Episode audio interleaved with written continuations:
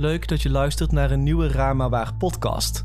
Hier zet ik al mijn video's om in podcastformaat, zodat je ze kan beluisteren zonder een scherm nodig te hebben. Vergeet ook zeker niet de Ramawaar YouTube pagina te bezoeken als je dit soort verhalen interessant vindt. Laten we beginnen met deze podcast.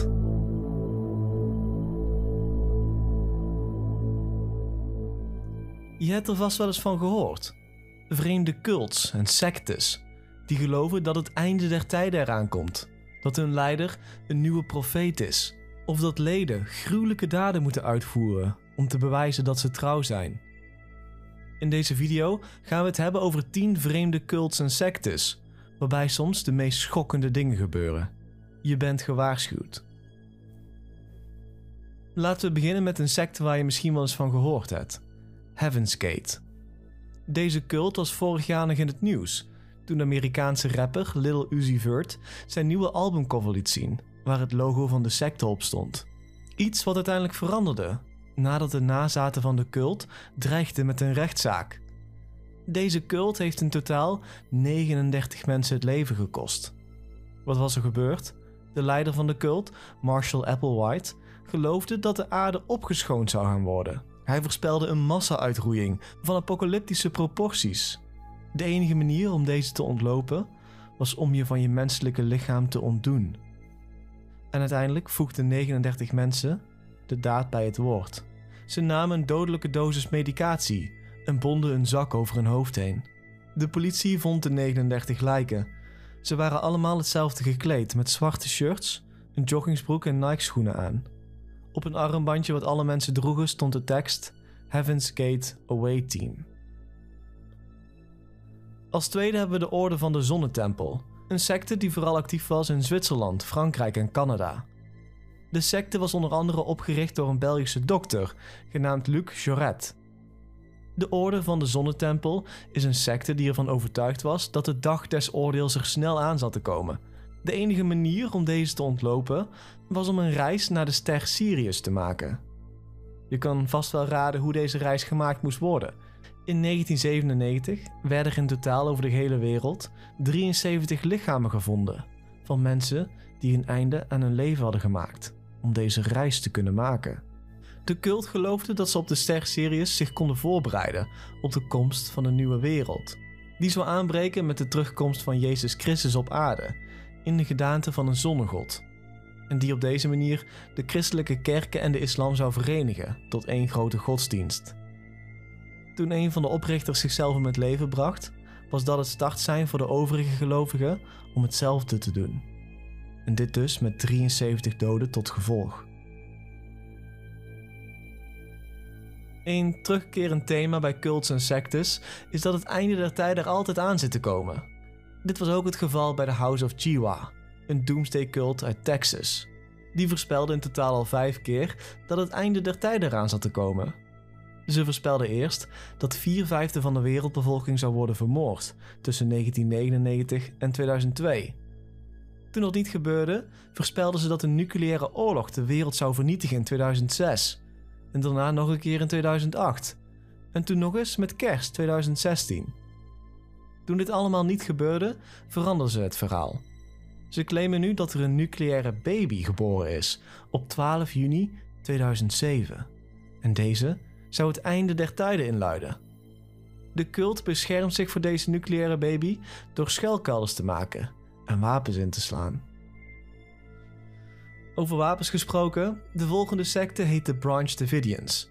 Deze geloofden, je raadt het al, dat het einde der tijden eraan zat te komen en ook zij kochten massaal wapens in.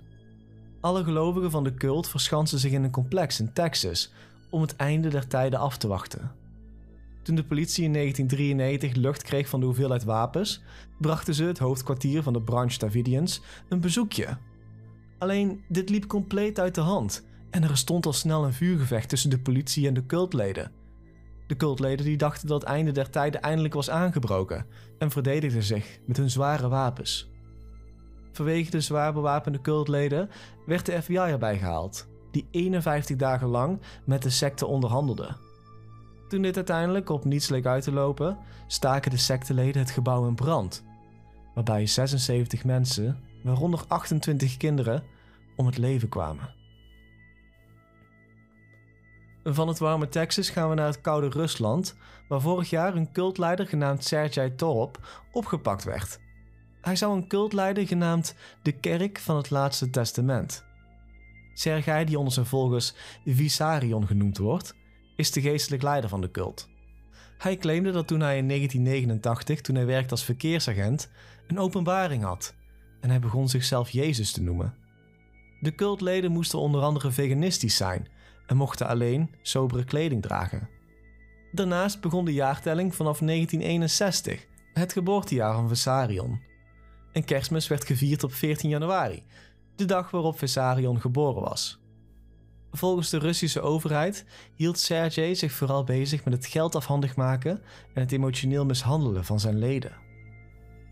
Als zesde hebben we de Manson-familie. Een cult die niet heel groot was, maar wel minstens zo gevaarlijk.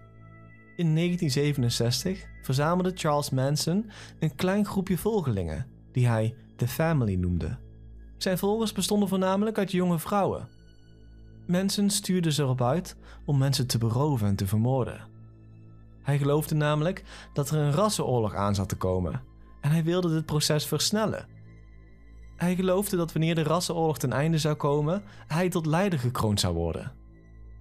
De moorden die zijn cultleden moesten uitvoeren waren daarom zo gepleegd dat het leek alsof het een racistisch motief had. Mensen en zijn familie werden uiteindelijk opgepakt en veroordeeld. En hij stierf in 2017 in de California State gevangenis. Van een van de kleinste cults gaan we naar een van de meest bloedige sectes die er ooit bestaan heeft, de People's Temple.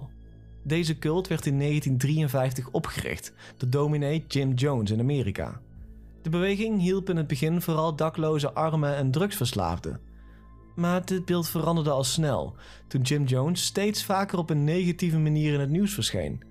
Hij zou misbruik hebben gemaakt van sommige volgers en niet bang zijn geweest om geweld te gebruiken. Toen Jones in de VS te veel kritiek kreeg, vertrok hij met zijn secte naar Guyana. Daar stichtten ze het stadje Jonestown, Ondertussen bleven ex-leden van People's Temple in Amerika praten over de vreselijke dingen die er met ze gebeurd was door Jim Jones. Mede aangespoord door deze verhalen bracht het Amerikaanse congreslid Lear Ryan samen met wat journalisten een bezoek aan Jonestown. Alleen dit liep anders dan gepland, want hij werd neergeschoten toen hij terug naar huis wilde keren. Daarop beval Jim Jones zijn volgelingen een giftig drankje te drinken.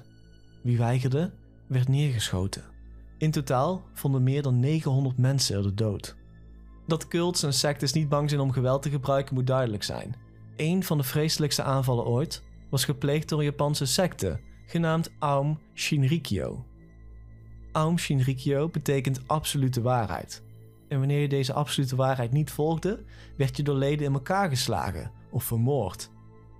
Volgens de secteleider Asara Shoko zat het einde der tijden eraan te komen waarbij iedereen zal sterven, behalve leden van de secte. De secte werd gemonitord door de overheid nadat er verschillende klachten binnenkwamen bij de Japanse overheid. Maar wat de Japanse overheid niet wist, is dat de secte in het geheim een laboratorium gebouwd had, waar ze het giftige saringas produceerden. Toen Ashara Soko te horen kreeg dat rechters in zijn nadeel waren bij een rechtszaak over land, besloot de secte een vrachtwagen door het dorpje waar de rechters woonden te rijden die het giftige gas door de straten sproeide. Bij deze aanslag raakten 500 mensen gewond en stierven er 7.